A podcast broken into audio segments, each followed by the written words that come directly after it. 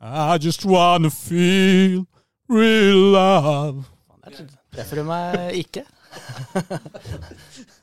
Smelter ingen hjerter. Jeg treffer meg ikke der. Hvor treffer jeg deg?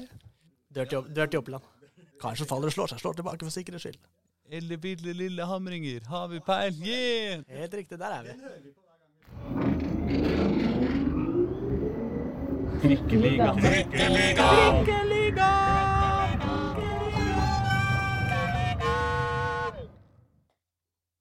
Da tror jeg vi sier hei og velkommen til Trikkeligaen sesong 2, episode 6 med meg, Aslak Borgersrud, og deg, Håkon Thon. Halla. Halla, går det bra? ja, det går bra. Du, hvor er det vi er hen nå, Håkon? Nå vi på, eh, som jeg sa til bilen oppover. Nå er vi kanskje på det stedet jeg liker aller best å komme til eh, å se fotball. Jeg veit ikke helt hva det er som er grunnen til det, men det er et eller annet med Grefsen stadion som jeg har eh, stor kjærlighet for. Jeg liker å kjøre opp hit. Jeg liker å parkere her. Jeg liker å se Eivind Kampen. Jeg liker å se tribunene som står der borte. Alltid med mye snø foran, helt ut i juni. Og så liker jeg eh, velkomstsangen her. Hva heter den? Den Dire Straits uh, 'Walking of Life'. Når den ruller over anlegget her, da koser jeg meg. Men i dag så er det vinter og snø. Vi sitter i medietårnet, kan vi kalle det det, sammen med Eivind Kampen. God dag til deg også. God dag, god dag. Eh, Kompetansehuset kaller de mest jålete dette vi sitter i nå. Det vil si deg. Så pent. Jeg er jo da ikke er den eneste i fotballen som ikke har kontor her. Så det er vel litt derfor de kaller det Kompetansehuset. Det er jeg litt redd for. Så ja, sånn er det. Men det er du som er sjefen her, Eivind, er det ikke det? Jeg liker jo å tro det, men, eh, men det, er, det er veldig mange eh, som jobber i den klubben her som har vært her i mange hundre år, tror jeg. Eh, I hvert fall veldig, veldig lenge. Så, så det er veldig opptatt av ansiennitet her oppe. Så jeg har nok noen som bjeffer litt høyere enn meg over meg. Ja, ja, men det er Vi har jo fått thaimat fra thairuletten til Eivind Kampen, som han spiser lunsj hos hver dag. Vi har fått kaffe på bordet. To pokaler står i hjørnet, gjemt bak et fotballbord. Det er ikke, det er ikke prangende, men Nei. det er utrolig koselig. Ja, og vi har til og med fått servering. Mm, det er deilig. Det er slutt på. Ja, altså. Nå hørtes det ut som øl, det er det ikke. Bare sånn at det skyter inn. Neida, det er ikke øl. Vi sitter eh, med koronatrygg avstand og, eh, og skal snakke masse om eh, alt som har med Kjelsås å gjøre, Eivind. Jeg håper du er, håper du er klar og komfortabel. Og Det er tema, det er et tema jeg burde kjenne til, i hvert fall. ja, men det er bra. På vegne av oss som ikke kjenner Kjelsås så godt og ikke, ikke er her på hver hjemmekamp, sånn som, sånn som Håkon, så er Kjelsås kanskje aller mest kjent for én ting. Det er den klubben som er mer Drillo enn Drillo. Ja. Er det sånn fortsatt, Eivind? Nei, det er det jo ikke. Men når det er sagt, så, så er vi stolte av historien vår. Eh, jeg syns det Stig Mathisen, da, som er den uh, treneren som var drøyere enn Drillo, uh, sto for, så, så klart de fikk til fantastiske ting med begrensa ressurser og sjokka en del uh, fotballnasjon. Mm. Så, så det er en stolt, stolt historie. Og så har jo på en måte Stig Mathisen eh, med jevne mellomrom i moderne tid, eh, enda mer moderne tid, også tatt over lag og, og vist at eh, hans ideer eh, funker veldig, veldig bra. Så veldig mange ler av oss, eh, og, og vi får ofte den slengt etter oss når vi reiser rundt i landet. Der kommer eh, de som aldri har ballen på bakken og, og de variantene der. Ja. Men, men vi er stolte av den Men, men er, dere, er, dere, så, er det sånn liksom, Hvor, hvor, hvor, hvor beslekta føler du at din, deres fotball i dag er til Stig Mathisen og, og den stilen her? Nei, men Den er nok eh, fargelegga lite grann, eh, men kanskje mest på, på eh, andre ting som Stig var fryktelig god på, med, med et solid soneforsvar og, og den biten. Vi er, ikke, vi er ikke like drøye som han var eh, på den tida. Eh, ballen får lov å være på bakken, og det er ikke, det er ikke ett spark framover. Og, og, og den varianten der, da. Så nei, vi ligner nok ikke. Jeg husker du en gang jeg var oppe, og vi har jo hatt noen prater noen ganger om, eh, om hvordan dere spiller fotball. Jeg husker vi en gang jeg var oppe, og vi snakka om, eh, om lange baller. Som du da Det store forskjellen kanskje er jo å slå lange baller, som han ofte gjorde under Stig Mathisen, og kanskje prøve å gjøre det om til lange pasninger.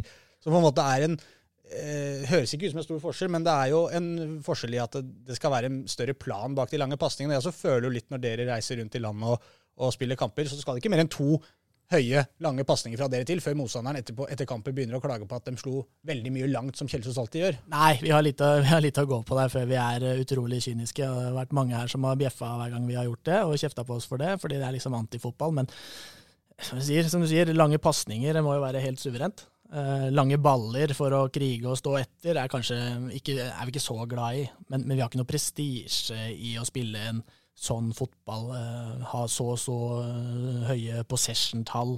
Eh, kan vi sende en spiss alene med keeper, Mm. eh, fra, gjerne fra egen keeper, så skal vi gjøre det 100 av 100 ganger. For det betyr jo at motstander driver med noe som er fullstendig gærent. Men så skal vi også selvfølgelig da håndtere når romforholda ikke ser sånn ut. Men er ikke, er, er ikke altså sånn, sånn jeg, med min eh, naive lille forståelse av, eh, av eh, den Stig Mathisen slash Drillo-måten å spille fotball på, så er ikke nettopp det der med at altså at lange baller ofte skal være litt lange baller og ikke pasninger. At det skal skape tilfeldigheter og kaos mer enn det nødvendigvis skal være liksom så innmari presist.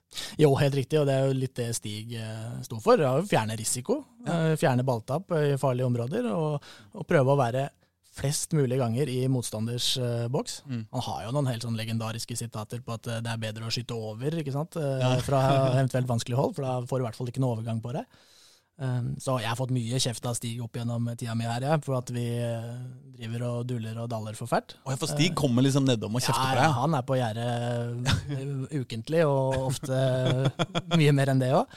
Og er jo ikke noen beskjeden mann, så han, eh, han, eh, han eh, gir sine råd, han.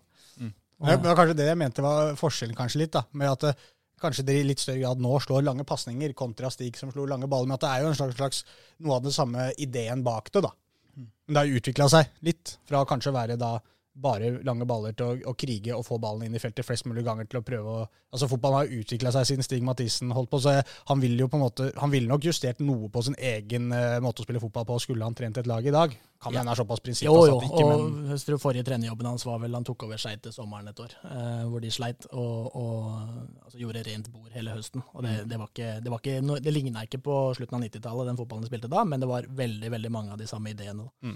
Men når du, eh, når du eh, trener laget og, og gir dem instrukser for hvordan, for hvordan de skal spille, eh, øh, er det sånn at du tenker liksom at tilfeldigheter og kaos hvis du, hvis du lager en sånn skala da, mellom liksom eh, På den ene sida er alt nøye uttenkt og perfekt, og et, eh, et godt angrep eh, har 20 pasninger og, ender, og aldri er i en usikker situasjon, og det ender i et uh, hardt uh, skudd i krysset fra lærmekeeper, til på en måte et, et angrep av komplett kaos. Hvor du, hvor du på en måte bare går for tilfeldigheten og håper at ballen spretter ned riktig. Altså hvis du skjønner, hvor, er, det, er, det er det saklig å snakke om en sånn skala? på en måte? Kan du plassere deg på en sånn en? Ja, jeg tror liksom Hvis du ser på fotballen eh, sånn den er nå i dette landet, her, så, så vil jo nok vi være av de minst jålete. Altså, vi vil sette eh, kanskje sette pris på klabb og babb, og, og så er det sant, tilfeldigheter, ja, men, men eh, de der tilfeldige ballene, de, de som vinner dem, det er jo ofte de som putter eh, mest av seg sjøl inn i det òg. Så, så vi vil gjerne krige, vi. Mm. Men, men eh, klart, den generasjonen som vokser opp nå som fotballspiller i Norge, den er veldig annerledes da, enn det, enn det Stig drev med på 90-tallet. De, Vi er mer gira på å drible enn på å, å, å gå i dueller. ja, de har spilt uten retning i 15 år, da. bare på session og gjøre fine ting og være Savi og Iniesta. ikke sant? Og det er klart at eh, Å selge inn også til den, den generasjonen at nå skal vi rett i bakrom. Og så hei, du på midtbanen skal ikke få bruke den der sålefinta du har øvd på nå i 14 år. Eh, Så ofte. Det er klart, det, det, er, det, det må man ta hensyn til. Ja. ikke sant? Og, men det, det, det gjelder jo også hvilke ferdigheter de har selvfølgelig har tilegna seg. Da. At du har lyst til å bruke de eh, i større grad. Hva er det du er mest opptatt av med laget? Hva, hva er det du prøver å lære med i år? Nei, så klart Fram til nå så har det jo handla mest om å komme seg i fysisk form. Vi har hatt en litt vanskelig periode med det vanskelige trenerforhold. Vi har vært stengt ned med covid eh, og det ene med det andre. Så nå har det handla mest om å komme seg litt kontrollert opp i, i en bra fotballforfatning. Eh, når vi så skal se på hvordan vi skal eh, levere i sesongen, så tar vi utgangspunkt i det vi drev med i fjor, og leverte i fjor. Eller ikke leverte i fjor. Vi hadde en fryktelig sesong eh, 2020. Dere var litt glad for at det ikke ble nedrykksdueller Nei, jeg, jeg var ikke redd for å rykke ned, men, men det er klart Å vase rundt i det derre hva skal vi si, nedrykkssluttspillet, det, det var ikke det vi hadde sett for oss, og det hadde greit at vi slapp det, også økonomisk. Så men det var et grusomt år, så liksom, vi har på en måte tatt, ting, tatt tak i de tinga som ikke så så bra ut da. Mm. Hvorfor det? Nei, vi, vi slapp inn masse i etablert forsvar, eh, og det er vel første gang i min tid, eh, så det var ordentlig vondt. Eh, vi skårte nesten ingenting på overganger, som er viktig i moderne fotballen. Ja. Skårte alt mot etablert, og det er klart det, det drar oss ikke så langt. Og så var vi også puddinger på dødball. Og det eh, gjorde vondt for oss, for klart det har vært en veldig viktig del av vår identitet å være solide defensivt. Eh, Det har vært viktig å være det råeste laget på dødball, og det har også vært viktig å være dødelig effektive på overganger. eh, Ordentlig giftige. Så vi mista mye av oss sjøl i 2020, så det må snekres på. Hva, er liksom, hva, hva, hva, hva gjør du da? Hva er, hva- er liksom, kan ikke bare jobbe videre da? Nei, men det, det er klart at alle involverte følte på det. Eh, Det Mm. var ikke noe vanskelig oppsummering eh, eh, av det sportslige. Du kan si det kan være vanskelig å oppsummere hvorfor det blei sånn, for Mm. det er det mange grunner til. Men, men hvordan det så ut, det er ikke så vanskelig å ta tak i. Så, så det var alle enige om, og, og vi har på en måte fått renska renskap det, og satt oss noen felles mål. Så, så lettsolgt eh, budskap, det. Kanskje, kanskje, kanskje husker jeg var oppe her eh, før sesongen starta og snakka om eh, en treningsøvelse som eh, du kjørte her da, som du ikke var helt sikker på om gutta dine syntes var så veldig artig. med en slags eh, Hva var det du kalte for noe? Det var, jeg spurte Jesper Solli, da, kapteinen din, om dette her også. Om han huska denne treningsformen som var da Jeg mener du kalte det Cooper-test med ball. Ja, At du skulle på en måte prøve å gjøre en kjip test, da.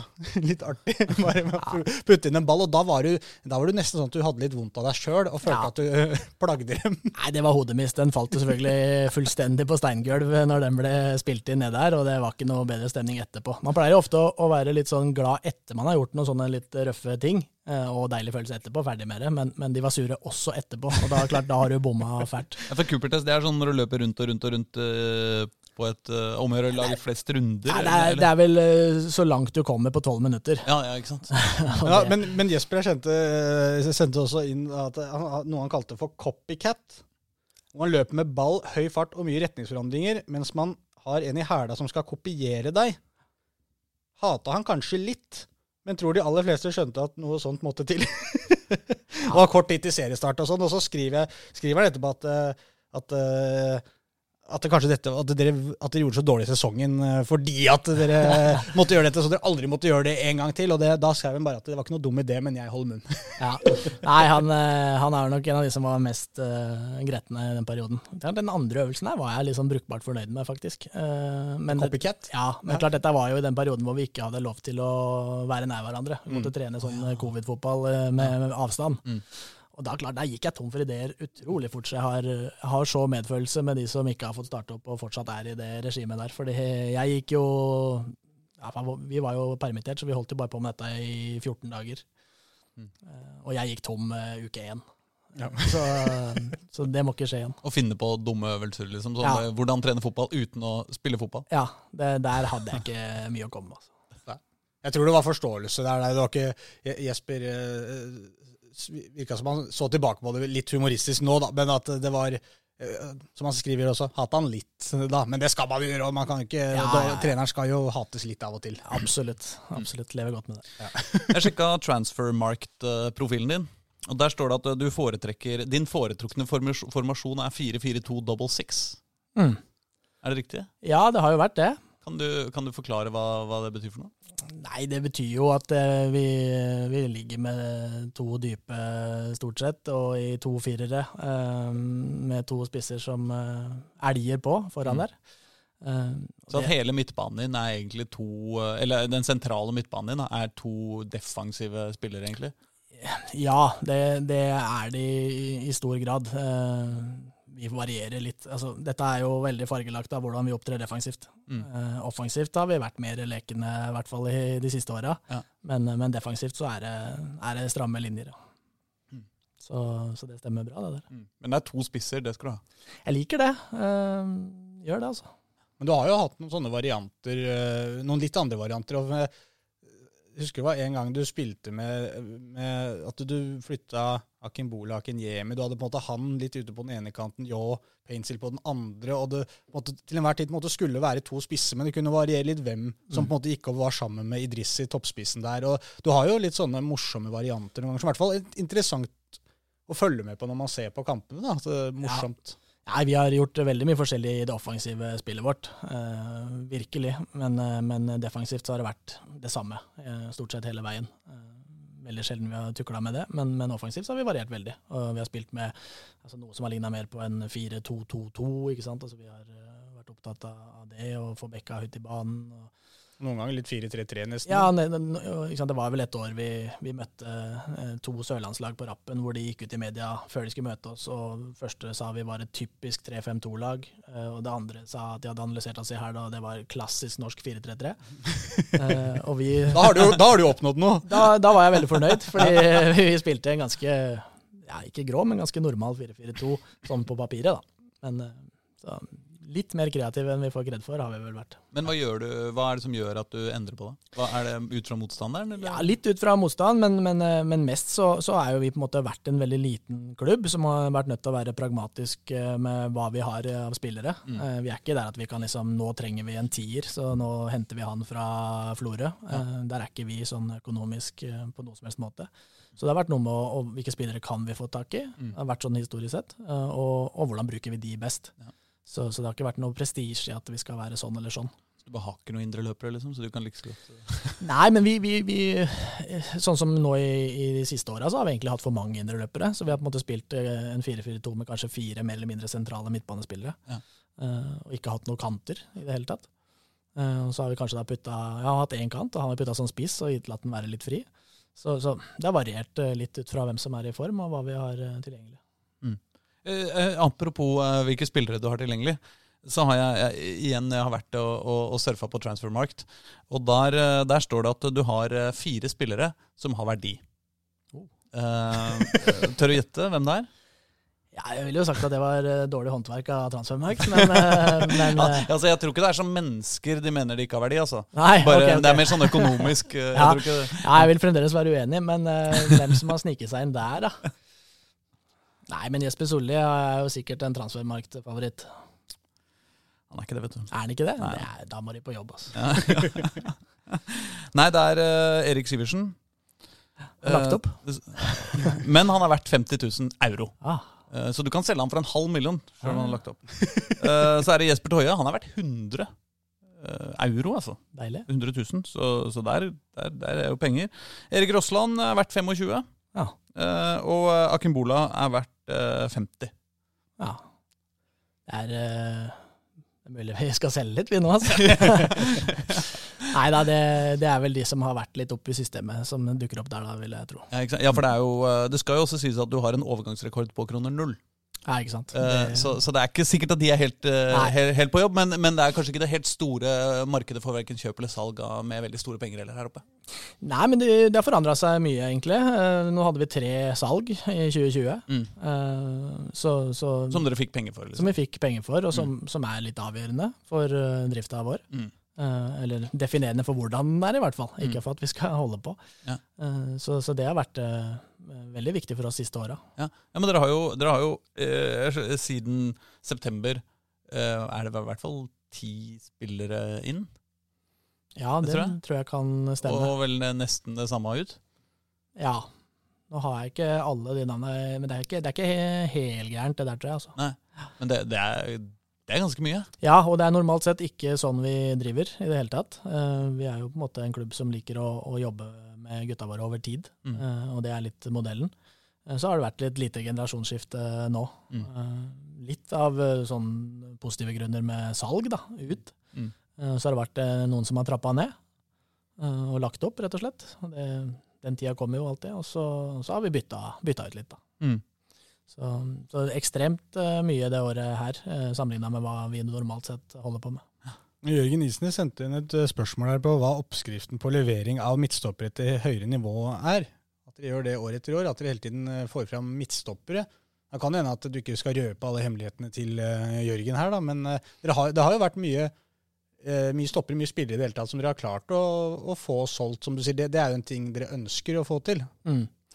Nei, stoppere, det, ja det er riktig. Har vært, eh, vi har vært flinke på å utvikle det. og jeg, Det er nok veldig sammensatt uh, hvordan, nei, hvorfor, men, men, jeg tror vi var ganske tidlig ute med å si at uh, forsvarsspillere skal være forsvarsspillere, og, og, dyrke litt de egenskapene. Um, I en periode hvor kanskje fokuset har vært veldig annerledes uh, i både norsk og, og internasjonal fotball, at det har vært veldig opptatt av disse igangsetterne mm. og de litt deilige typene. Mm. Mens vi har på en måte dyrka de gutta som, som går med trynet først, og, og, virkelig elsker å holde det buret reint. da som, som jeg uh, er opptatt av at er det viktigste for en forsvarsspiller.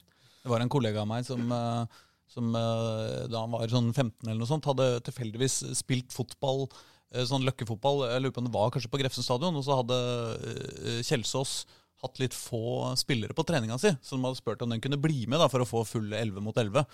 Så kompisen min, ikke spesielt god fotballspiller, altså, men han fikk jo da bryne seg mot uh, mot, uh, mot Kjelsås en gang. og Så var han på venstrebekken, og så var han pressa litt av en eller annen ordentlig god Dette var jo da Kjelsås var på sitt beste også.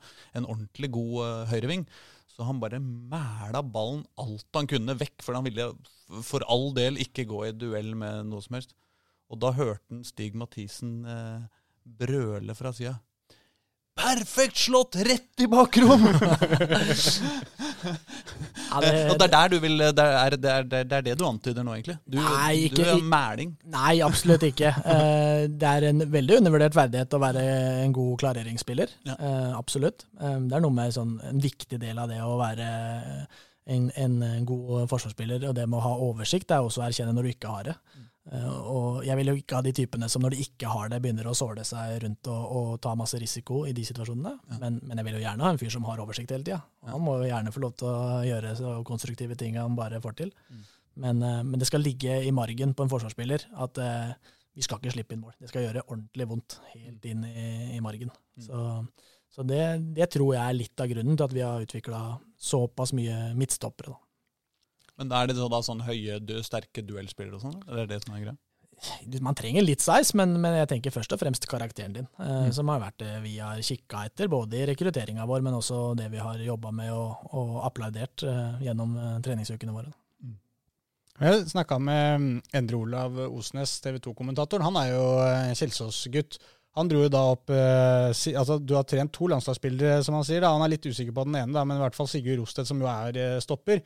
Men også Bjørn Mars Johnsen, som var der i 2011, og tror kampen var der da. Men du vel, hadde du Bjørn Mars eh, Johnsen der? Jeg var her, jeg var assistent når han var her. Han var jo riktig her eh, ikke så veldig mye mer enn et kvarter, men, eh, men jeg tror han spilte to kamper, ja, kanskje. Jeg lurer på Osnes, da, om, om, du på en måte så noe tegn til at de kom til å lykkes, de to gutta da, allerede da? Når du så dem første gang her? Jeg tror jeg skal ta for meg Sigurd uh, da. som jeg, han, han så man uh, ganske tidlig at det var mulig å, å, få noe ut av. Det gikk såpass fort med utviklingen hans. og, og etter hvert så var han eh, faktisk helt suveren. Altså det, det kosta han lite å ha kontroll. Så, så, at han skulle bli en ordentlig ordentlig god fotballspiller, det var ikke noe tvil om. Og siste dere sendte nå, var Sturla Ottesen. Han gikk til Stabæk. Mm. Hva, hvis du ser han opp mot, Nå var jo han en Beck-type, da, men uh, hvis du ser de opp mot hverandre, hvor langt unna var han Rostet på samme tida? Nei, altså Rostet var vel kanskje litt foran uh, Sturla på, på, noen ting, men litt forskjellige typer. da, Men, men du, du, kan jo si mye av det samme. altså de, eh, Det er noe med den derre Du hever deg litt med oppgaven hele tida. Uh, du ser at du, du, du, løser det uansett hva slags nivå som, som møter deg. Om det, var, om, det, er i cupen eller om det er mot de beste spillerne. Så så du, du, kan finne noen sånne fellesnevnere, men, men, eh, men, det er små marginer også. Sant? Vi har eh, mange spillere her, eh, vi nå, og rundt i Post Nord som, som, kan spille på høyere nivå. Det er ikke noen tvil om det, men, men du veit jo ikke helt da, før de, før de er der. Nei. Osnes lurer også på hvordan det var å trene TV 2-profilen Simen Stamsø Møller. Om du så det samme der? Om du så at han kom til å bli Premier League-ekspert, så du det komme? Nei, Simen var jo fantastisk fotballspiller, da. Det, det må man aldri glemme. Eh, litt sånn eh, feilfri i forståelse og bevegelsesmønster. Fryktelig god avslutter. Eh, hadde noen eh, karakteristiske humørsvingninger. Eh, som jeg er veldig imponert over at han ikke lar farge jobben han har nå. Du tenker at han egentlig sitter og bobler over og er hypp på å øse skjellsord? Ja, det er, det er noe, han er imponert over den kontrollen, fordi han, er, han kan være ganske impulsiv, han altså.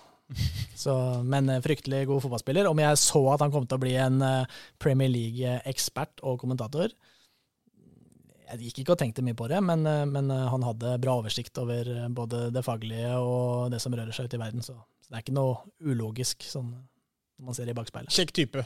Fryktelig vakker. Ja. Ja, det er det. Men hva tenker du hvis, du hvis du ser på stallen du har nå, er det noen spillere der du tenker at eh, kommer til å komme på landslaget? Eller kommer til å gå ut i den store verden, eller? Ja, men det, jeg tror det er flere som har muligheten til det. Mm. Men, men, eh, men det er klart det skal jobbes litt, og så skal du treffe litt med eventuelle neste klubber og sånne ting. Men at det er, at det er, som har, at det er mange som har eh, verktøyet eh, i bunn, det er, det er det ikke noe tvil om. Men nå er jeg agent, vet du. Nå er jeg sånn, ja, men gi meg noen navn, da. Hvem er liksom den største stjerna di eh, som, om, eh, om fem år? Om fem år, ja. Nei, men klart, eh, sånn, eh, Jesper Solli er er jo liksom gullet vårt, og har vært det i mange år. eh, Og alltid attraktiv. Alle, alltid interesse på han i vinduene osv. Mm. Han begynner jo å bli voksen, eh, så av unggutta våre nå så mm, er det litt ufint å drive og trekke fram noen. Men den som kanskje har kommet lengst da, i, eh, i løypa, eh, er vel Yao Painsil.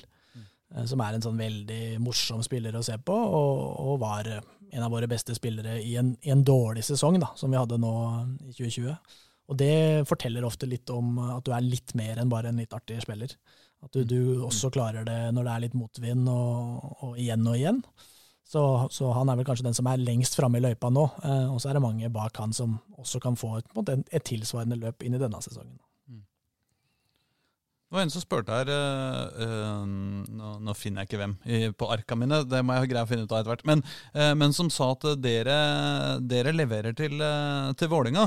Nei, jeg mener Vålinga leverer til dere, men dere leverer ikke til Vålinga. Stian Kjernås Dahl. Ja, det var, det var Kjernås, det, Ja. ja. Familien Kjernås.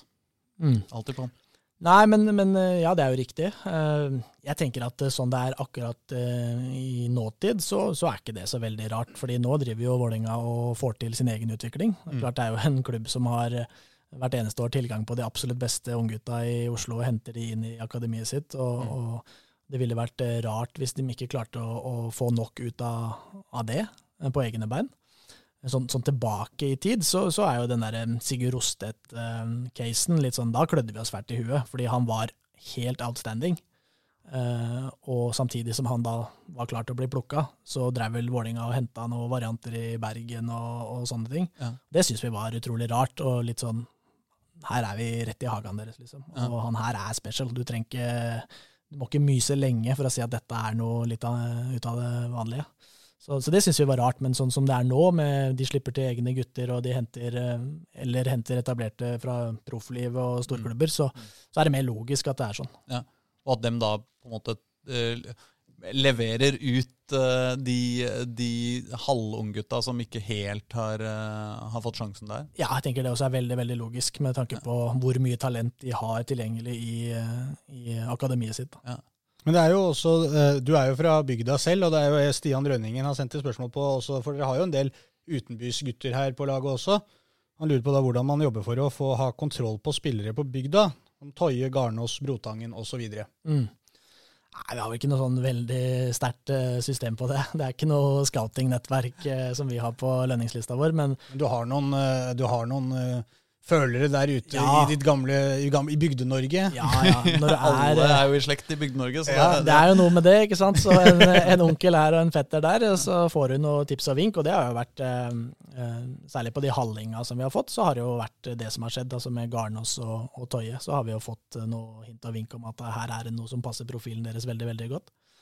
Eh, Eller Brotangen, så dukka han opp på ei fjøl der, eh, så, så det er en annen historie. Men eh, hva, hva da dukka kom en inn her på eh, hva heter fantasirommet? Nei, utviklingsrommet. Nei, ja, han banka han, han sto her i en sånn sliten Moelven-dress og, og, og banka på og spurte om han kunne få trene litt. Eh, Så det fikk han. Så ut som en fin fyr. Jeg har hørt... eh, kanskje vi skal hoppe litt til, eh, til bygda? Ja, det, det var, Fordi når du snakker om Moelven her, så ringer jo klokkene mine til om eh, Reidar Solli, vår sportsredaktør, som klarte å skrive i en sak her at du var fra Brumunddal og gjorde deg litt hissig, for du er ikke noe flatbygding, selv om du har henta en del spillere fra disse traktene. Så hvor er det du egentlig er fra sjøl, Eivind? Jeg er fra Fagernes, i vakre, varierte Valdres. Som er Kupert? Ja, det er ikke noe flatbygd. Så når Skeidar Solli sier at jeg er fra Brumunddal, så ser jeg på det som et sånn stikk fra Skeid-familien. Så jeg skal ikke si at jeg ikke kjente det, men, men jeg, jeg, har, jeg, har, avslørt den. Jeg vet hva det der er for noe. Mhm.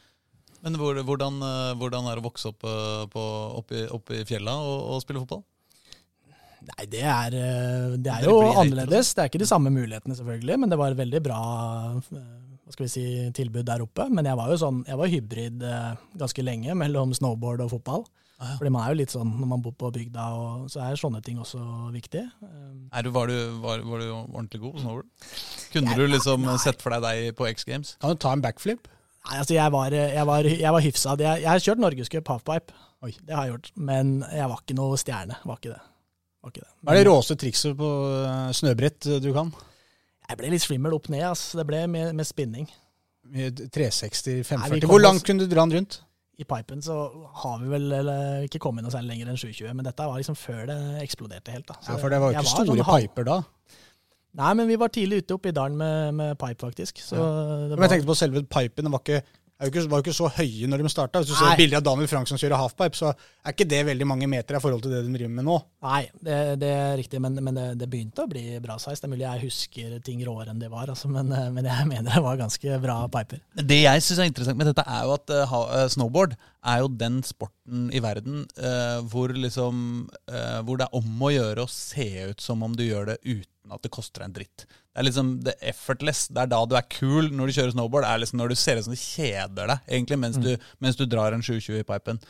Uh, og det uh, passer jo ganske greit inn med, hvordan, uh, med din trenergjerning. Hvordan du oppfører deg på benken. Er det snowboarderen Eivind Kampen som, som står på benken og bare prøver å se ut som Nei, det, det ordner seg, liksom?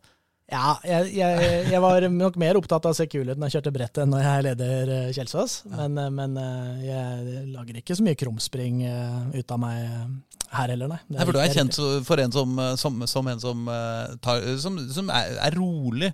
Som, kråka på tunet. Ja. Skjæra. Skjæra, det greiene.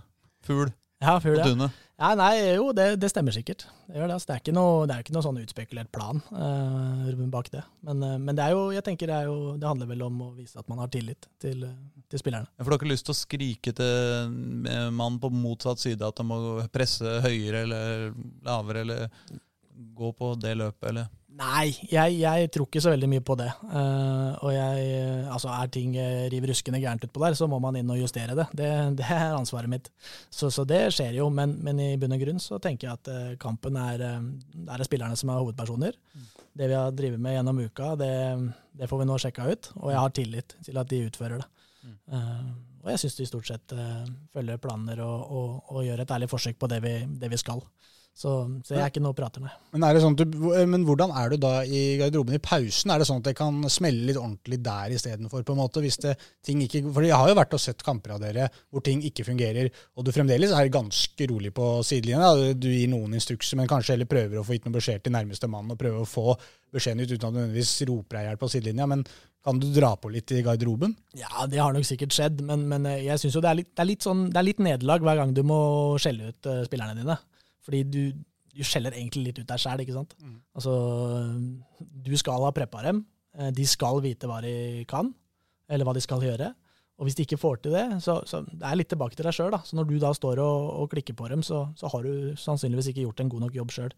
Så vi prøver først og fremst å, å løse ting uh, sammen og gi dem uh, litt veiledning til ok, hvordan, hvordan får vi dette på plass.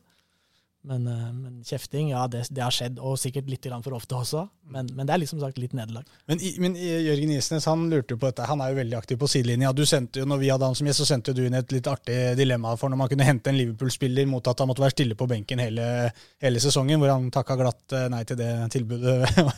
men han lurer jo litt på deg. Hva er det som på en måte får deg ordentlig sint og forbanna i en kamp? Hva er det som kan få deg til å tenne skikkelig? Nei, men det er spillere som ikke gjør sitt beste.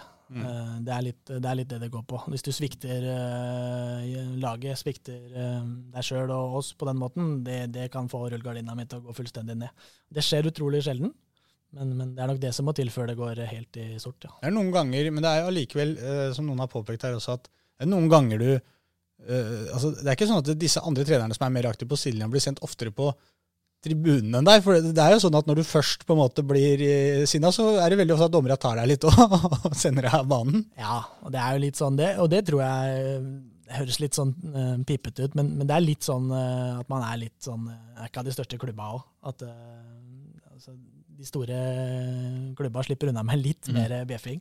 Så jeg, jeg, føler ikke jeg har gått så veldig mye over streken, men jeg har fått tilsnakk en del ganger. Hva er det du har gjort? Hva er det du har sagt da til dommeren? Jeg har fått ett rødt kort, og det var ikke bra i det hele tatt. Men det, men det, var, veldig, det var, veldig, kort og presist. Men, men, det var Du er en idiot. Det er ikke grovt. Uh, og det, en, det, var en ærlig tilbakemelding.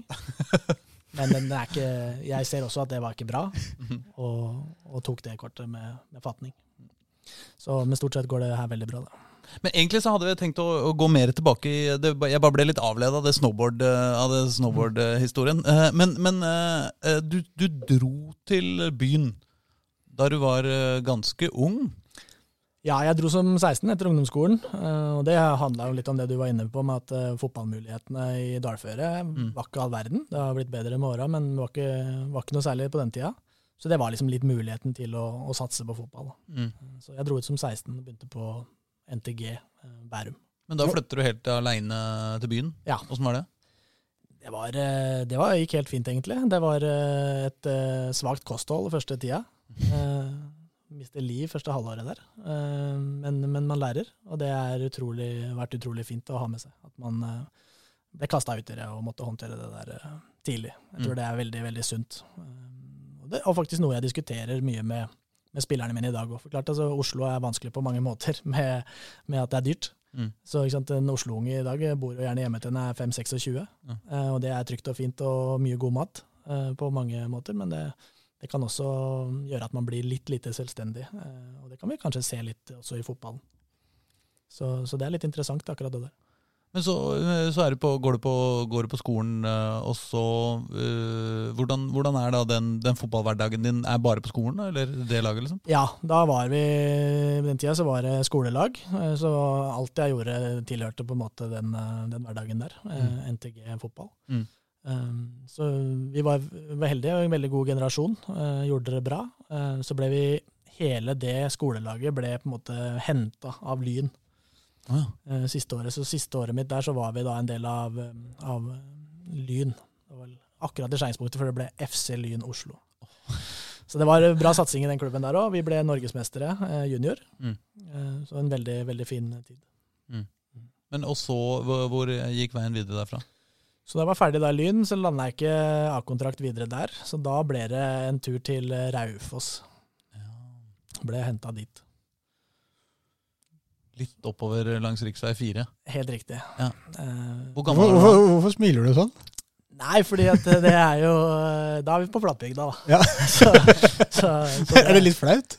Nei, absolutt ikke. Uh, Raufoss er uh, en utrolig sånn artig del av Fotball-Norge, sånn ja. jeg ser det. Altså det er det er en sånn engelsk uh, arbeiderby med altså, så enorm fotballinteresse at man skjønner ikke. Uh, man går i 17. mai-toget fremst der, og man får tomater i skallen når det har gått dårlig, og man får ellevill hausing når det har gått bra. Mm. Og liksom alle, alle lever ånde for fotballen. Så det var en artig sånn liten boble å oppleve i livet. Fikk du ellevill hausing eller tomater stort sett når du var der? Jeg fikk stort sett tomater. Jeg hadde ikke en spesiell vellykka tid på, på, på Toten. Så, men, men, utrolig bra sånn treningsmessig, og, og, det å bare være i den fotballbobla. Det, Så da var det bare å komme seg hjem til Oslo igjen? Eller hjem, i hermetegn? Ja, riktig. Så ble det, da ble det tilbake til Oslo. Du snakker som om, uh, som om det er Oslo som er hjem? Ja, og det skammer jeg meg litt over. Men jeg har aldri hatt eh, noe særlig dialekt. Mm. Jeg skulle ønske jeg hadde det. Men eh, du hører det litt her og der, men eh, nei. Det, du veit det kommer, vet du, når, når du er fra Fagernes det er jo enormt mange Audier med skibokser med skilt nummer D først, sant, fra Oslo, som stopper innom Fagernes for å tanke og spise. sant, Så han får sikkert fått det i alle åra han bodde på jo, Fagernes. Men, så alle snakker Oslo-dialekt rundt den. Nå må du høre etter. Eivind snakker jo ikke sånn uh, skiboksdialekt. Uh, du snakker, uh, Og du snakker ikke Kjelsås-dialekt heller. Nei. Du, du snakker, men, men, det er jo sånn sett er det sikkert nærmere Raufoss-dialekt. Nei, nei, kutte, det er je og itte og sånn, det. Jo, jo, men det er veldig mye Oslo Hvordan er øst i, Fagernes? i, i, Jo, kan i, åssen de snakker eh, oppover der. Ikke? jo, det kan du si. Så men hvor det, er det du har bodd? eh, Men jeg lurer på dette. Hvor, hvor har du språket ditt fra? Det er jo et godt spørsmål. Jeg, jeg tror det er en suppe av alt mulig rart jeg har, eh, hvor enn jeg har dukka opp. Men eh, nei, hva det er for noe, gudene veit. Altså. Men hvordan snakker de i Fagernes? på en måte? Kan du si en setning som høres ut som du er mer fra Fagernes, enn at si 'jeg er fra Fagernes', slik som jeg sier det nå? Jeg kan det, ass, men eh, jeg er veldig redd for at eh, noe slekt skal plukke det opp. For det ville vært Da blir det tomater igjen. Jeg veit ikke. Jeg veit ikke. Jeg, Jeg veit ikke. Ja, der er vi. Jeg vet Så det er en vakker dialekt. Jeg har gjort det bra på reiseradioen i år etter år, den, den dialekta der. Så, så den er, eh, den, folk liker den, så det har ikke noe med det å gjøre. Men var det da, etter Raufoss, at du havna i uh, Håkon her sin eh, absolutte favorittklubb, Oslo Mm. øst? Ja, riktig. Nei, det som skjedde da, var at uh, eh, en eh, fyr som heter Geir Midtsean. eh, fantastisk eh, fyr, han, han gikk da fra Lyn og tok over Oslo øst. Mm. Og det han gjorde da, var at han bestemte seg for å samle de som vant junior-NM for Lyn. Hvilket år er vi her Nå nå? er vi i 2004. Og da er du omtrent Nei, jeg er 22 år. Ja. Så han samla da nesten alle som var med på den reisa med Lyn, i Oslo øst. Mm. For å, å satse igjen, da, sammen. Men var dette etter altså fordi Oslo øst er jo en sånn eh, Det var jo en sånn, eh, en sånn satsing hvor man slo sammen en masse av eh, liksom nest øverste og tredje og fjerde øverste klubbene på østkanten mm. for å lage et sånn stort felleslag. Men var det idet det skjedde, eller var det etter Nei, dette er vel da siste generasjon Oslo øst, Ja, så de har jo vært på noe eventyr allerede. Ja. Med noen andre regimer. Ja, Så vi er det siste. Ja ikke sant? Og så, og så, så da, blir du, da spiller du i førstedivisjon, eller? Da, da er vi nivå? andre. Når jeg, jeg kommer Andre. til sommeren 2004, da ligger Oslo øst helt i bunn. Uh, mer eller mindre klare for nedrykk. Uh, Fra andredivisjon? Fra andredivisjon. Uh, og så kommer vi inn til, det, til en sånn redningsaksjon da, som, går, som blir vellykka, så vi holder plassen eh, i 2004. En, en ellevill egentlig siste halvdel dere leverte der òg, da. Ja. På høsten der. Ja, den var virkelig solid. Jeg tror man hadde fem-seks poeng til sommeren. Eh, Ja. Så det så, det så ferdig ut. Det så litt, så litt eh, sluttført ut. Kjørt ut. Eh, og så ga jo det en voldsom energi, og så sier jo han, eh, han eh, Geir Midtstian, eh, hjernen bak, at eh, ok, neste år så, så tar vi det til uh, vel som det het eh, da. Så utrolig kult. Og det gjorde dere. ja, det gjorde vi òg. Det var kul reise. Det var helt sånn eh, alt annet enn hva du lærer i, i sport, om hvordan du skal snakke og angripe ting. Vi, vi sang opprykkssanger fra mai og, og var så breiale og fæle, men, men en fantastisk tid. da. Bare kompiser og, og så selvsikre og fæle at det var, eh, det var bare en eneste dans på roser. Så det var, det var et kult år. Det var på Lambertseter, eller? Da var vi på Lambertseter. Deilige, deilige stadion. Det er friidrettsstadion med løpebaner og hele pakka. Det er friidrettsstadion, men, men eh, det var gøy der, fordi de bevarte gresset så fryktelig bra. Vi hadde en, en utrolig banemann på den tida, som var nede med neglesaksa og jobba så fryktelig godt for oss. Så vi hadde en ordentlig fin eh, gressmatte. Mm. Det er jo sjelden vare. Er det det, er det, det, det øyeblikket her du liksom eh, ser tilbake på med størst sånn glede fra din egen eh, karriere? Ja, utvilsomt. Og det handler jo selvfølgelig om at det lykkes, men også det at det var en, en jævla kompisgjeng da, som, som fikk det til sammen. Og det er litt eh, liksom det jeg kanskje ønsker at de gutta her oppe i Kjelsås skal få lov til å oppleve sammen. Mm. Fordi det er helt spesielt. Jeg tror ikke, jeg tror ikke det er noe mindre enn å, å vinne de, de største tinga i, i ligaer. Eh, jeg tror liksom bare det å vinne noe sånn sammen med gjengen din, eh, komme seg opp opprykk, jeg tror det er så stort det blir. da. Men, men bare den der Oslo Øst-klubben, den, eh, den, den gikk jo Det blei jo en eller annen form for kollaps her også.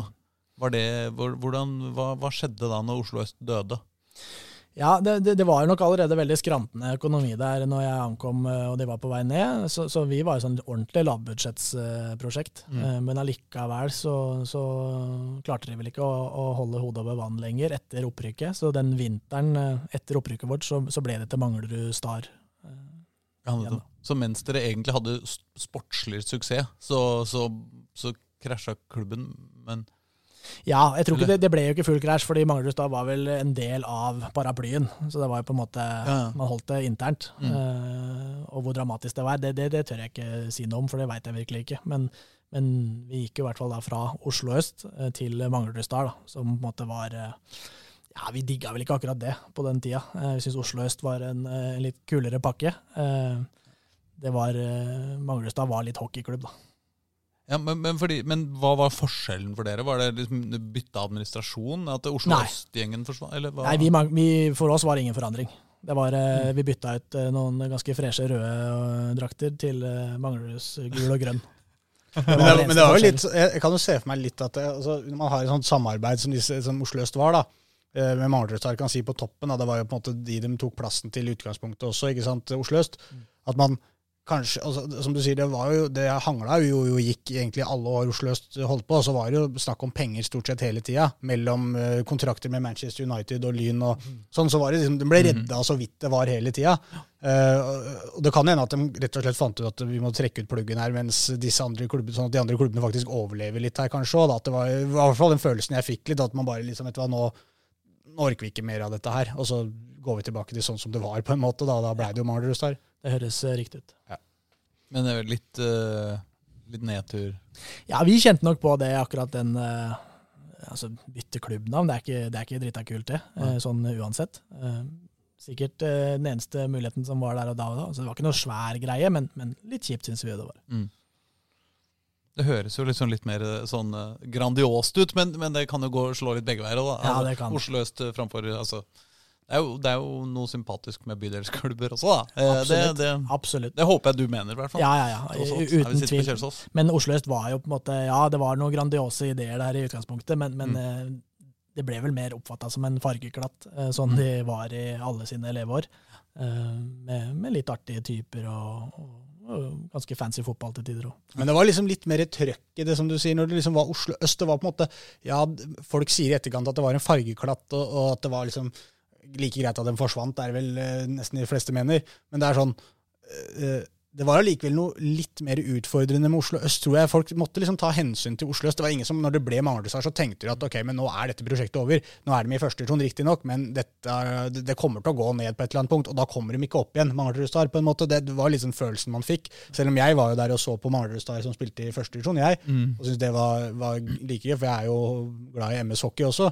Så jeg syns jo på en måte det var morsomt at man måtte kunne samle klubben, sånn som du Aslak, har med Vålerenga. At du har én klubb som både fotball- og hockeyklubben din. Mm. Så, så, ble plutselig Manglerudstad det Jøss, nå har jeg fotballag i første divisjon og et ishockeylag i Eliteserien, liksom. Det var jo, jo, alt er samme klubben. Men jeg følte liksom litt samme som deg, at det fotballaget ble liksom ja, det, det, det, var kulere med Oslo øst, syns jeg òg, på en måte. Mm. Men uh, Petter H. Petter Gold uh, på Twitter spør hva er ditt beste minne fra tida i Oslo øst? Slash Manglerudstad. Ja.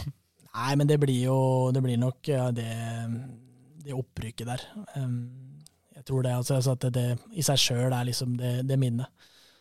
Men det er, det er, noe med hvor, hvor, hvor cocky vi var, og, og, hvor flink han coachen var til å, å, tro at vi var faktisk best i landet. Altså, mm. vi, vi, kjøpte det fullt ut.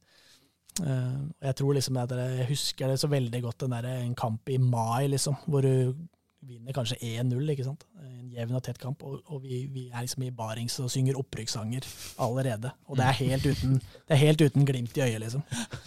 Uh, og det forteller litt om den eh, Men den akkurat det der, det føler jeg er litt sånn hvis du skal ha et fotballag som heter Oslo øst, er ikke det akkurat sånn de skal gjøre det? på en måte?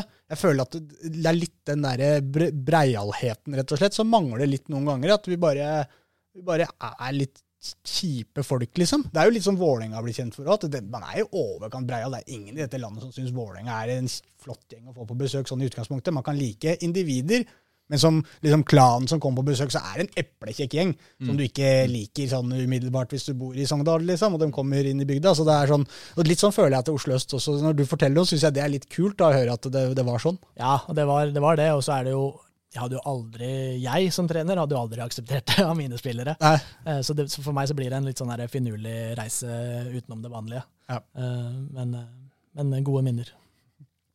Etter, etter, Oslo øst og Manglerud, hvor havna du da? Nei, da visna det litt i, i Manglerud, så, så, mm. så, da var det å finne seg nye jaktmarker. Så da var jeg noen måneder i, i Lørenskog. Mm. Um, og spilte der, det, det trivdes jeg svært dårlig med. Um, Sammen med Jørgen Isnes. sammen med Isnes. eh, Han var for så vidt en fryktelig fin fyr, eh, og spillerne var fine. Og så var det litt utfordringer med andre ting, så der ga jeg meg fort. Og da dro jeg til Strømmen. Nå blir det, jeg, skjønner at eh, hvis du ikke vil snakke om det, så må du ikke snakke om det, men når du sier det på den måten altså, hva, hva, hva var det som krasja? Nei, bare dårlig, dårlig, dårlig kjemi. Eh, En helt annen kultur enn hva jeg var vant til. Eh, og det betyr ikke at noen nødvendigvis gjorde noe gærent. Mm. Eh, men da var jeg på et tidspunkt i karrieren min hvor det var liksom sånn ja, trivsel og, og, og glede var helt, eh, helt avgjørende. Så det var, det var, det var litt for uh, ordentlig og firkanta? Nei, på, måte, på, ingen, på ingen måte, men, men, eh, men et litt sånn annet regime enn en, en hvordan jeg ville løst ting. Da. Og da, da har, jeg, har jeg allerede uh, i mange år gått og, og grubla på det med trenervirke og vært veldig var på, på disse tinga. Mm. Men hadde det vært tidlig i karrieren min, så hadde jeg helt sikkert spist det. Og, og, og det var ikke noe feil de gjorde, men, men da var jeg blitt litt eldre og sær. Så det er ikke noe mer dramatikk enn det. Men da pakka jeg sammen der, og så dro vi 500 meter til Strømmen. Ja. Eh, Så fikk jeg være med på en utrolig morsom eh, reise der, da, med, med Petter Myhre og Thomas Berntsen, det året Strømmen gikk opp. Ja. Så jeg fikk være med på det opprykket, eh, og spilte kanskje min beste fotball i livet. Da var det opp til første divisjon. Opp til første divisjon. Mm. Så, men i sånn tredje siste kampen sånn, så ryker jeg lårmuskelen min eh, tvers av. Og da er du, begynner du å nærme deg 30? Eller? Da er jeg 28, tenker jeg. Ja. Og da pakker vi snippen og sier at nå får vi bli trenere. Oh ja. Fordi hvem- det var så alvorlig skade, eller fordi du liksom Nei, yes, Det kunne man sikkert snekra sammen, eh, og, og vært i gymmen og jobba seg på plass igjen. Men, Mm. men, men på det tidspunktet så, så var det nok. Mm. Da hadde jeg ikke den eh, rehaben i, i meg. Men er det eh, Det var vel eh, det var Osnes som lurte på det òg, tror jeg. Men jeg lurer jo for så vidt litt på det, jeg også. Sånn hvilken trener på en måte som du har eh, Som har gitt deg mest, da, på en måte, opp igjennom. Mm. Du- For du nevna Petter Myhre og det var på en måte Osnes sitt tips at kanskje det var Petter Myhre som var det? Ja, eh, og det er faktisk veldig riktig. Um, Jeg har vært utrolig heldig med, med sånn Jeg har ikke spilt på all verdens av nivå, men jeg har vært utrolig heldig med trenerne jeg har hatt. De er eh, på en måte eh, alle sammen store profiler i Fotball-Norge i dag. Da, I litt sånn sentrale verv for hvordan fotballen skal være i det landet her. Altså, jeg har hatt Espen Olafsen, norsk toppfotball. eh, Rune Skarsfjord, norsk toppfotball. Jeg har Håkon Grøtland, som er eh, på en måte, fotballsjef, eh, han òg. Jeg har Midtsian, da, som jeg har nevnt, som, var i, i, som er i NFF nå. Mm. Dag Oppgjørsmoen, som er i norsk toppfotball.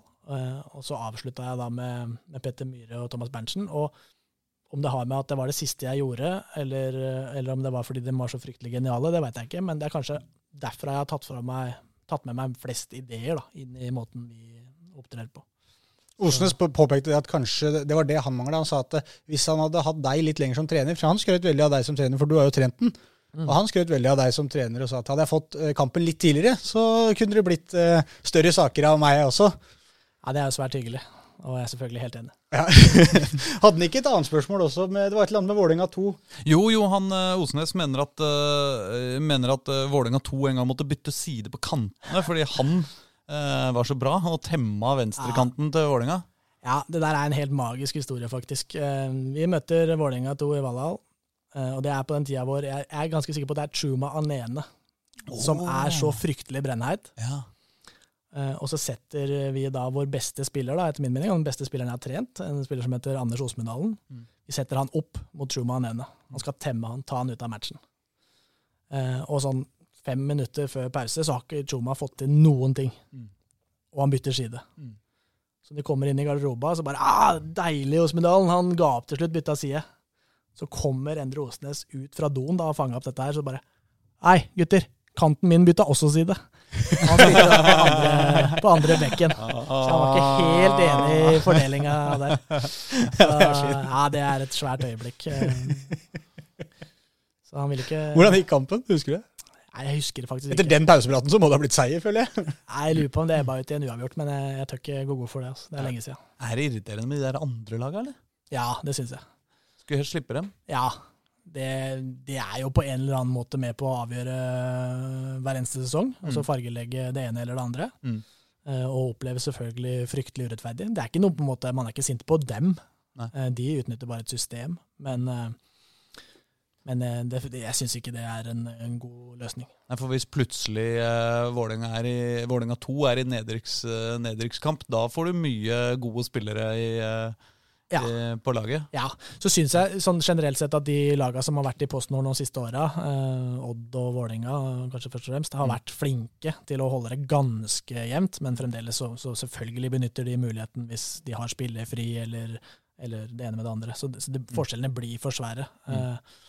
Så, så, er det sånn typisk ting som er uh, flaut å pipe om, men, men det, er en, det, er jo helt klart fakta at det der fargelegger hver, hver eneste sesong. Mm, mm. Men jeg håper dere liksom er, det er, det, hva, hva, håper du på hvis du møter uh, Vålerenga 2 f.eks.? Håper du at det skal komme noen skikkelige stjerner som, uh, som spillerne dine skal få prøvd seg på nå, eller?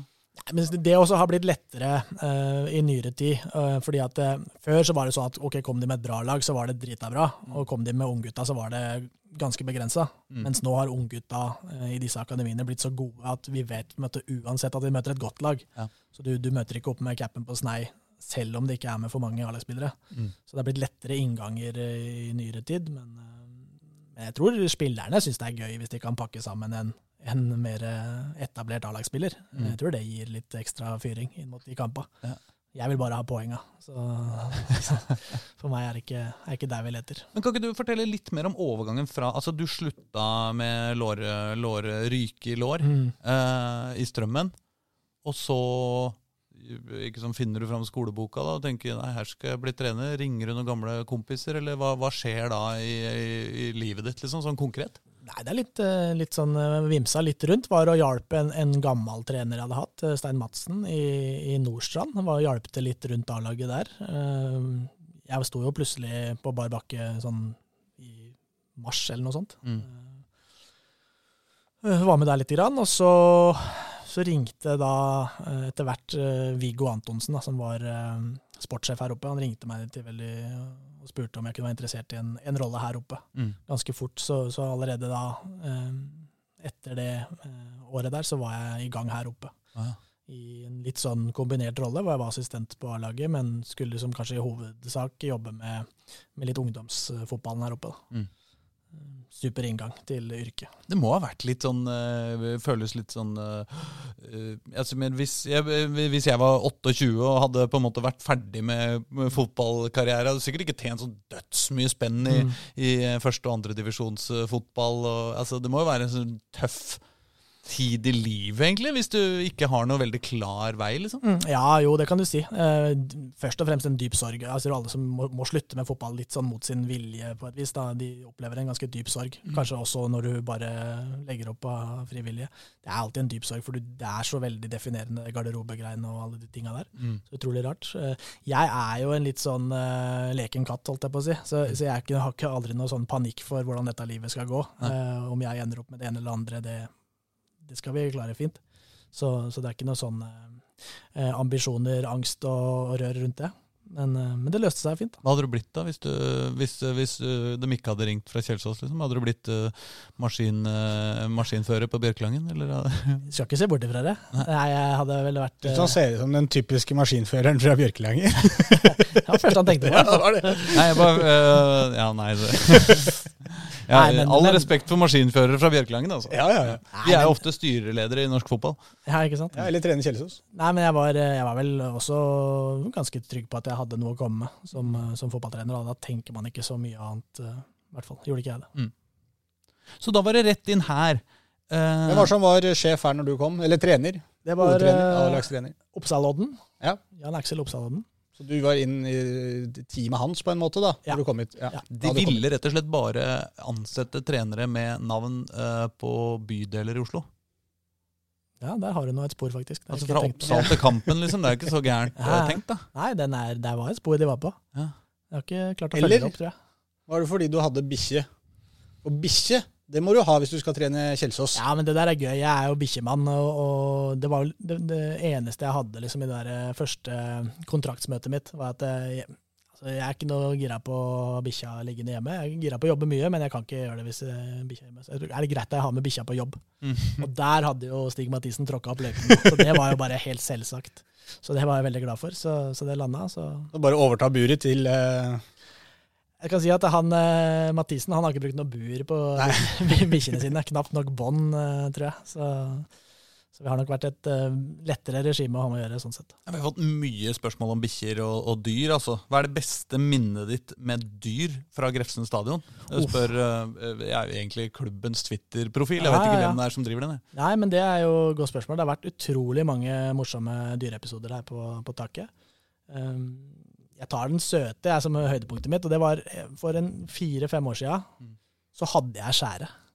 Altså, jeg hadde en skjære som kom og møtte meg når jeg kom på jobb hver eneste dag.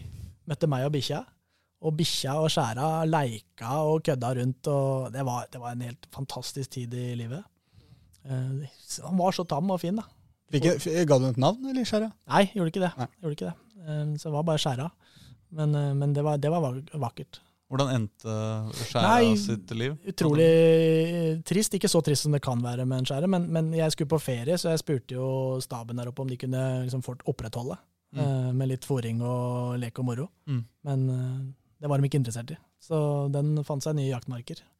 Så hvis det der hadde Hvis jeg hadde droppa ferien, så hadde jeg sannsynligvis gått rundt deg med en skjære på skulderen nå i dag. Det er en utrolig mektig Er det, er det sånn at du angrer på den ferien? eh, Vi skulle bytta bort den ferien for den skjæra i ettertid. Ja, jeg, jeg lurer litt på det, faktisk. For det, jeg ble glad i den skjæra.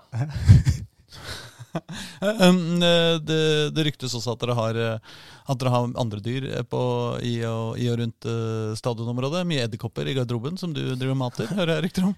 Ja, og det der har vært en mare. Fordi jeg, jeg er ikke sånn, jeg har ikke så utrolig peiling på dyr, men jeg er utrolig glad i dem. Og jeg syns det er noe utrivelig med mennesker som, som får litt sånn eh, glede og kick av å avlive dyr. Det er med liksom, Du ser de som blir litt sånn glade når, når livet ebber ut av noe. Eh, Så jeg driver og testa gutta i garderoba på det, for jeg har hatt noen utrolig store sånne husedderkopper, kjelleredderkopper, der nede. Som jeg har prøvd å gi litt næring, da, og følge med på hvor, liksom, hvor svære kan de bli. Men også en sånn litt test av gru gruppa, om de kan, kan de ta vare på det her, liksom. På alvor, du, har, altså, du driver edderkoppavl i, i Nei, altså de, de, de dukker opp på egen hånd. Jeg har ikke hatt det med meg. Men, men hva fôrer du eh, edderkopper med? Nei, men det er jo litt eh, alt mulig rart, egentlig. Du har rester og ser, eh, prøver seg fram, da. Men mat setter du- eller fluer, setter liksom?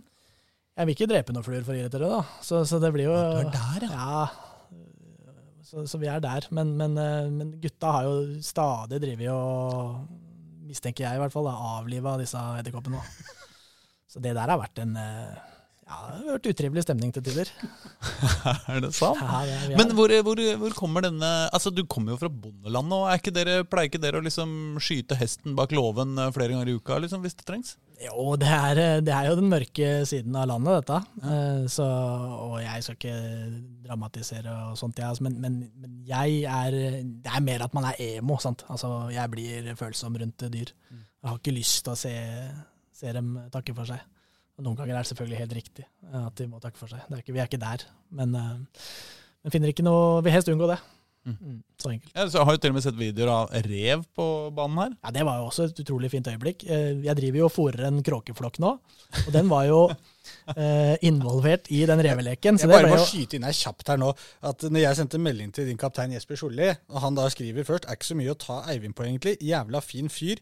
Selv om han samtidig er litt sjuk i huet, så skjønner jeg jo nå hva han mener. Det det det er her vi Altså, det, Dette her er jo kjempevakkert, Eivind. Det er bare at for helt vanlige folk som meg, så høres det helt vilt Det er ikke en vanlig setning du hører, at jeg driver og mater eh, Kråkeflokken, var det det du drev og matta nå? Ja, men det, det er jo gøy, da. En liten hobby. Og det, Kråker er smarte, ikke sant. De er utrolig morsomme å følge med på. Um, så, så vi ser se hvor langt vi kommer, da. ikke sant. Men de var jo morsomme med reven, fordi det ble jo en utrolig videosnutt. Den burde alle gå inn på, på Kjelsås eh, på Facebook og se. Absolutt. Den er magisk, hvor liksom reven leker virkelig med disse halvtamme kråkene mine. da. Mm. Ja, for de plager den egentlig. De, Ja, de, kødder med, ja, kødder med rundt, reven. Liksom. Kødder rundt, men jeg opplever det som god stemning. da. Litt sånn, eh, det er ertekrok, det er ikke, det er ikke djevelskap. Ja. Var det her? eh, på Jeg var rett utpå? Ja, her, ja. Men hvor er det du mater den flokken med kråker? Nei, Er det her? Ja, ja. Det er litt rundt. På banen, Mm, liksom, eller i området? Ja, Mens edderkoppene er bare i garderoben. ja de, de, er, de er det. Det er en fantastisk mann, her. Nei, men det er, gøy med, det er gøy med dyr, det er ikke noe mer enn det. Ja, ja, Det er ikke noe, det er ikke noe sånn religiøst eh, Du er ikke, eh, det Nei, er ikke noe der i, i bånn som, eh, som er mot uh, Men har du vært noe sånn Har du vært veldig aktiv sånn dyrevern altså, Nei, men jeg kan ikke delta i noen debatt rundt dette, fordi jeg er for emo. Altså, Jeg kan ikke diskutere dette på et saklig nivå. Og jeg, jeg har ikke nok kunnskap til å engasjere meg ordentlig der. Jeg er bare Hei, vær snill, da. Vær snill med dyra. Ja. Eh, Det, det må vi gjøre. Og der har du ikke noen nedre grense på en måte for hva du definerer som et dyr som er verdt å ta, ta vare på. Nei.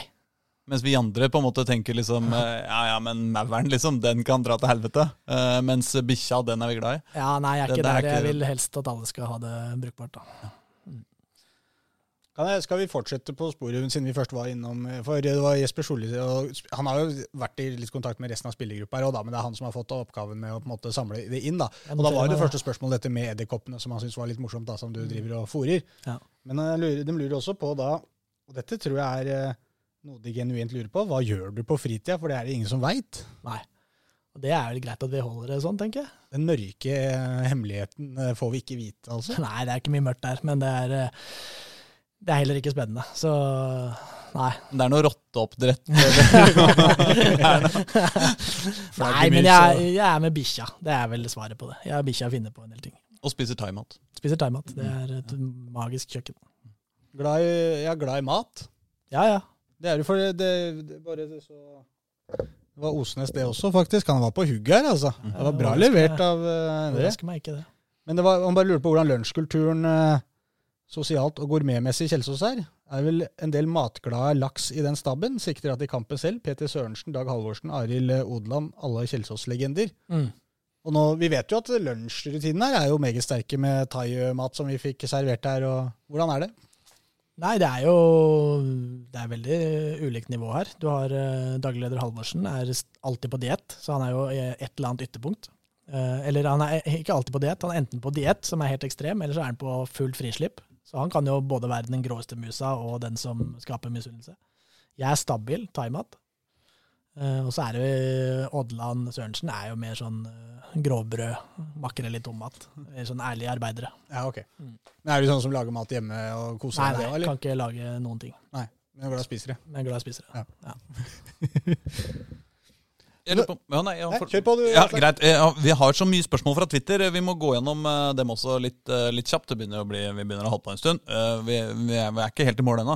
Men eh, eh, først uh, Jonny Normann Olsen, eh, eh, lederen for supportergjengen til Skeid, han spør hvis du skulle sette opp et futsallag med Eirik Kjøne, Jørgen Isnes, Gard Holme, Bent Inge Johnsen og deg sjøl. Altså, da snakker vi om eh, ja, alle trenere i Oslo-fotballen minus uh, Fagermo. Dette har jo blitt en føljetong i denne Absolutt. Podden med futsallag fra Jonny Normann Olsen. Ikke sant? Ja. Hvem hadde spilt uh, hvor på banen, og hvorfor? Ja, jeg vet ikke om jeg klarer å få til noe geniale greier ut av dette der, men, men eh, jeg tror jeg hadde putta Gard i mål. Han ser, han ser kald ut, altså. Han ser ut som en iskald type. Han tror jeg ikke er skuddredd. Han tar den i trynet. Mm. Uh, Så jeg setter han i buret. Uh, Bent Inge Johnsen. Han må feilvendt opp på topp, eh, Mm. fort som svint, Mm. og slippe å komme hjem, tror jeg. Blir det lange pasninger eh, futsal, på futsallaget ditt? Det er mye som tyder på det. Dunken opp på Bente Ja, ja, Jensen. ja, jeg skal, eh, det er helt riktig. Det blir jeg bakerst der, stå og lempe på banen, og så, og så får Isnes og, og Kjøne få springe. Altså. Nå er jo Kjøne ute av dansen i Oslo-fotballen da, akkurat nå. Ja, det er sant. det, det hadde jeg glemt allerede. Ja. Ja. Han, skal få, han, får spille, han får spille på laget likevel. Har du søkt på jobben på Grorud, eller? Absolutt ikke. Fortell om hvordan man jobber med samholdet i laget på taket, spør Ted, Terje Ki- Kirsebom. Og i hvor sterk grad du mener dette innvirker på prestasjonene? Og er det kirsebom eller kirsebom? Jeg, jeg går for kirsebom. Ja. Mm, absolutt. Eh, Keeperlegende i klubben. Fantastisk Fantastisk fyr. Um, ja, um, nei, vi, vi er jo veldig opptatt av det. Fordi vi har vært inne litt inne på det. Vi er, vi er jo ikke så svære på Mm. økonomi og, og fasiliteter og alle disse tinga. Og hva kan du konkurrere på? Jo, det er miljø. Um, hvor bevisste vi er på det? Jeg tror vi er litt sånn Spillerne har æren for uh, mye av det. Vi fokuserer på det, men også i rekruttering av typer. Så, så mitt bidrag inn i det er på en måte mer å, å fjerne ugresset uh, fra gruppa. Og det har vi gjort uh, i ganske stor grad. uh, alltid. Hvis man ikke bidrar i den gruppa, her, så får man ikke være her. Mm. Uh, Så det er vel mitt bidrag. Og så utover det så syns jeg spillerne har skapt seg en kultur som er fryktelig god, og som gjør oss ja, veldig mye æren for at vi er konkurransedyktige. Jeg bare, Kan jeg fyre et spørsmål her også? For jeg skjønte, for for først nå jeg skjønte egentlig spørsmålet. Det var jo litt tilbake til dyr, da. Men det var Carl Erik Torp som har sendt inn. og Han er jo da, han jobber jo i NRK da, som fotballekspert der, og så er han vel fortsatt i KFUM. Mm. Og, Hvor er ikke han om dagen, liksom? ja, jo, han er jo overalt. Ja. Han er også på Twitter og Ja. følger Drikkeligaen, og det er bra. Men jeg leser spørsmålet her, fra da Kalle Torp. Hva er viktigst i livet til Eivind av Kjelsås og Torp? Og da tenker jeg umiddelbart ikke sant, av Kjelsås og Carl Erik Torp. Men jeg slo meg plutselig at han refererer jo til hunden din, sannsynligvis. da. Ja, han gjør nok det. For hunden din heter jo Torp. Er opptatt, oppkalt etter Karl Erik, eller? Nei, han er jo ikke det. Han er ikke oppkalt etter Karl Erik. Eh, neste hund blir oppkalt etter Karl Erik. Så den skal hete Torp. Den skal hete Torp. Ja. Så, så nei, hvem er viktigst av Torp og, og Kjelsås? Nå har jeg ikke fått utvikla full kjærlighet for uh, Torp ennå. Eh, men, Men for en fyr som mater husedderkopper i, i kjelleren, så vil jeg tro at det er en del kjærlighet der i utgangspunktet, da. Ja, så vi er denne, ja, bikkja er foran. Bikkja er familien. Så det må, vi må vel lande der. Han la også til at mitt ønske er at mye av denne podkasten vil dreie seg om hunder og dyrevelferd, så kanskje han eh, deler ditt engasjement her. Nå har han i hvert fall fått litt, da, får håpe Kalle er fornøyd med Ja. Jeg får på det. Eh, Gjermund Blauenfelt Ness spør hva er Eivind Kampens visjon med Kjelsås? Rykke opp, fortsette å være etablert i andredivisjon, utvikle spillere? Tanker rundt det? Nei, eh, ja takk alt sammen, er det ikke det vi sier? Altså, eh, ikke man blir værende, da, men, men vi er jo på en reise hvor vi driver og utvikler oss lite grann hele tida. Og så nå har vi hatt et par år hvor vi har vært nære på å, å ta steget Mm. også. Um, så bare, det ligger bare ikke nå? Nei, ikke nå. Ja, for det var, det var liksom type andre-tredjeplass eller noe sånt i 2019. 2019 var vi Ja. liksom med i race eh, stort sett ja. hele veien. Eh, og den kommer til å gjøre vondt lenge, for jeg mener vi, vi virkelig burde kunne klart det eh, det året. Eh, så, så målet til klubben blir jo selvfølgelig å se oppover dit. Altså, sånn er idretten. Du må, jo, du må jo strekke deg, du må jo ha de målsetningene. Og det er naturlig for oss nå, med det vi har prestert, eh, minus et feilskjær nå, at vi begynner å kikke mot det.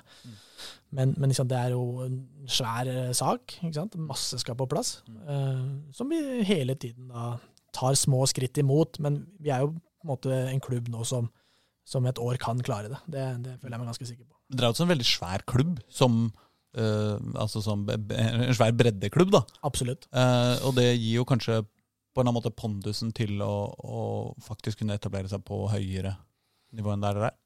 Ja, jeg, jeg føler i hvert fall at det er en logisk målsetning å, å jobbe mot. Uh, Selv om det kanskje ikke er eliteseriefasiliteter eh, mellom, uh, mellom eneboligene på, uh, på, på Kjelsås her. Nei, det er ikke det, men, men, men det jobbes eh, med alle disse tinga. ikke sant? Eh, Og det er jo sånn det er å jobbe i idretten. Du må jobbe litt for å få bedre anlegg, du må jobbe litt med å få bedre barnefotball, litt med å få bedre ungdomsfotball, litt med å få bedre A-lag, Mm. litt med bedre forhold til sponsorer, litt med bedre forhold til publikum. Altså, og, og sånn jobber vi nå. Det er fin energi rundt det, og så, og så får vi se hvor flinke vi er, og hvor fort vi kan greie det.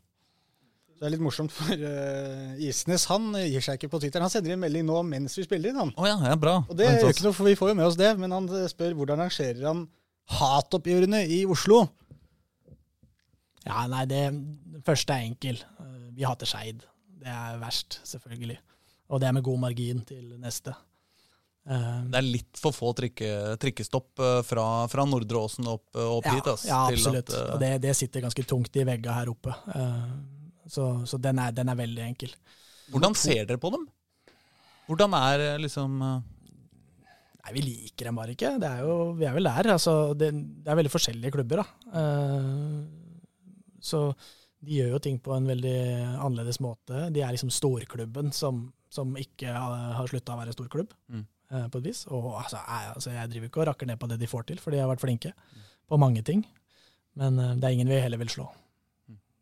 Det var Den kampen du refererte til, som var da i mai i 2019, cupkampen her oppe, Mm. Er kanskje den kuleste kampen jeg har sett mellom uh, Skeid og Kjelsås. Selv om dere kom ut på feil side til slutt der, men da var, det en, da var jo Skeid, når du sier storklubb, da, da hadde de rykka opp til førstedivisjon. De spilte i førstedivisjon, divisjon, kom opp her og var da fløy litt høyt. Og de starta vel ganske bra den kampen òg, tror jeg. Ja, vi tok ledelsen. Ja, Men så snudde det vel litt, og Ja. så kom dere Så dere lå jo under med et par mål der, tror jeg. Ja, det stemmer. Og så kom det en Ja, det ble et selvmål, vel. Aaberg tror jeg skåra Ja, ja. et selvmål, og så i hvert fall på overtid var det vel. Så Åsarud dukka opp uh, bortpå der og satte den inn. Ja. Og det, uh, da var det sånn gåsehudstemning her, for det var så mye folk. Og uh, det var masse unger som hadde tatt turen her med Kjelsås-flagg og skjerf. ikke sant? Og det plagde vettet av skeidoksene litt der, som skulle prøve å dra i gang litt ordentlig voksen rytme på tribunen. Men så ble, ble det mange unger der som, som dro til med Kjelsås-låter også. Så det var litt sånn bra trøkk på tribunen. Og gleden til Åsarød der også når han scorer. Den, eh, den matchen der var morsom. Ja, det var en veldig veldig bra match, og, og litt sånn det burde være. da, sant? Eh, fantastisk. Eh, Og heldigvis eh, så skjer det igjen i år. Mm. Vi har det med i avdelingen. Ja, det er 16. mai-kamp, til og med. 16. mai-kamp, så vi bare håper at uh, vi har fått stappa vaksine inn i nok folk til at vi får fylt opp de tribunene. Ja. Mm. Det bør prioriteres det nå. Skeidoksene og Kjelsås-supporterne bør stå aller først i køen Ja, ja, for å få Ja, vaksiner. så de får fylt Er det her, eller? Nei, Det den, er der På nede. På Åsen. Okay, ja. På den, eh, den, eh, den stadion de håper at, skal, at de skal overta om dagen. Har Ja. dere noen sånne planer, eller? Overta? Nei, altså, ikke sant? det er kommunen som eier det. Ja, ikke sant? Så ja, ja. de, de er hypp på å selge bolig, bygge boligblokker og, Ja, ja, og bli rike. Og, Jeg, jeg skjønner at de har lyst til det, for det er jo potensielt gode kroner. Men det skal bli interessant hvis kommunen begynner å dele ut uh, anleggene til klubbene. Da har vi ganske bra tomt her, vi òg, vil jeg påstå. Ja, det er ikke så god plass til å bygge masse boliger her hvis du fortsatt skal ha plass til en fotballstadion, kanskje? Nei, men da tror jeg vi selger her til bolig, og så bygger vi en uh, ordentlig eh, monster inni skauen her. For det, det, de tomteprisene her, de er pene. Men uh, hatoppgjørene, skal vi rangere dem, eller skal vi ta neste òg? Ja. Den etter Skeid? Ja, den er vanskelig. Uh, Jeg bare husker her én kamp spesielt godt mot Grorud. Som var her oppe, hvor det var ordentlig fyring etter kampen, og det var noen drakter som gikk i stykker. Det var Rolf Teigen vel som var trener i Grorud da. Ja. Og da var det litt baluba, så dere har litt sånn greie med Grorud som har, i hvert fall kom når dere spilte i andredivisjon der, når dere møttes. Ja, eh, så den, den er nok sånn ferskest sett, så er den som har vært best, mest fyr i. Ja. Det tror jeg nok. Uh, jeg vil nok sette de ganske likt. Koffa og Koffa var veldig uspiselig før. Da? Da var det, da, da var det van, altså lettere å mislike. Isnes han er så spiselig, ikke sant. og kjenner alt og alle og alltid hyggelig. Det er vanskelig å ta han. Vanskelig å ta han. Det, du, har, du har samme inntrykk som Eirik Kjøne har, han da. Når Eirik Kjøne fikk spørsmål av oss hva du øh, misliker mest med Jørgen Isnes, så var det vel at han var så lett å like. Ja, men han er jo den typen. Og så, så er han jo en en kald eh, mm, også. Så, så må ikke tro at vi ikke gjennomskuer den, men, men eh, du kan ikke gå rundt og ikke like Jørgen Isnes. Det går ikke. Så den dagen Isnes forsvinner, så er jeg tilbake til at Koffa er uspiselige. Ja, ikke, ikke ned på Skeid-nivå, men, eh, men rett bak der, da.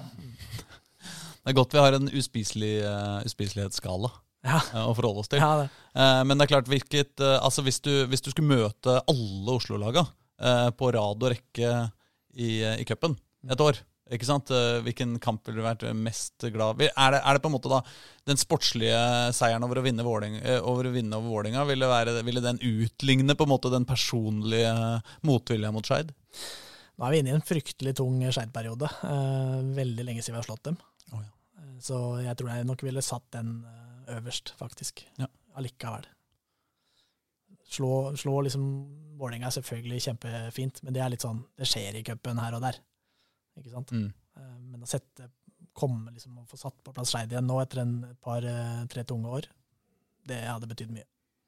Det som er litt gøy med akkurat det rivaliseringa mellom Kjelsås og Skeid, som er såpass sterkt, det er at eh, alle andre lag i Oslo vil se på liksom det å slå Vålerenga. Alle hater Vålerenga. Liksom. Det er det laget man hater. Noen av oss har et lite horn i sida til Lyn også, må jeg si. Ja, jo, jo, ja da, men du hater jo ikke Vålerenga hvis du heier på Vålerenga. Nei, nei, nei. Nei, men de andre Oslo-laga er ikke så interessert i å slå Lyn. på en måte. Det er, ikke, det er viktigst å slå Vålerenga. på en måte. Mens akkurat Kjelsås og Skeid de har en sånn, altså Skeid også har jo en greie for Vålerenga på en måte med å, slå, med å kjempe mot dem. Men det er jo som du sier, litt sånn tilbake i tid. De var en storklubb en gang i tida. Men det at liksom du sitter her og bare sånn, det viktigste er å slå Skeid. Hvis jeg hadde hatt muligheten til å slå Vålinga i cupen, så er nesten ikke det mer eh, interessant. Det vært bedre å tatt eh, Skeid 16. mai på Nordre Åsen ikke sant? og tre poeng der. Og det syns jeg er litt kult. da, sånn der, At uh, man, man tar vare på de hatoppgjørene, lokaloppgjørene som man har. Da. jeg tror det er kjempeviktig. Ja. Uh, Jeg tror ikke man skal være redd for å kalle det hatoppgjør heller. Ja. Uh, og så, så betyr jo ikke det at man ikke har noe respekt for, eh,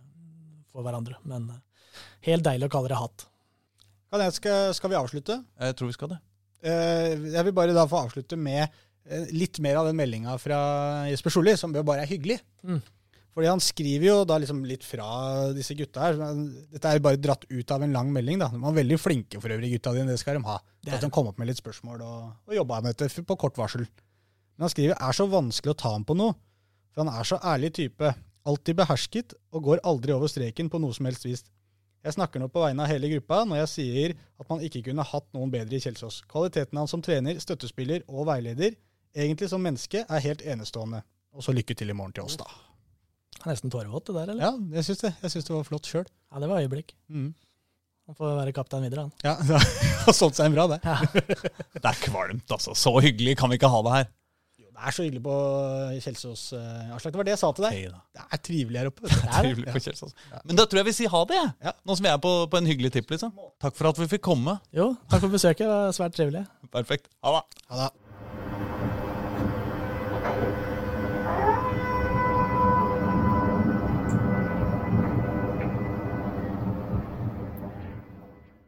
Du har hørt en podkast fra Dagsavisen. Ansvarlig redaktør heter Andreas Heen Haaland Karlsen.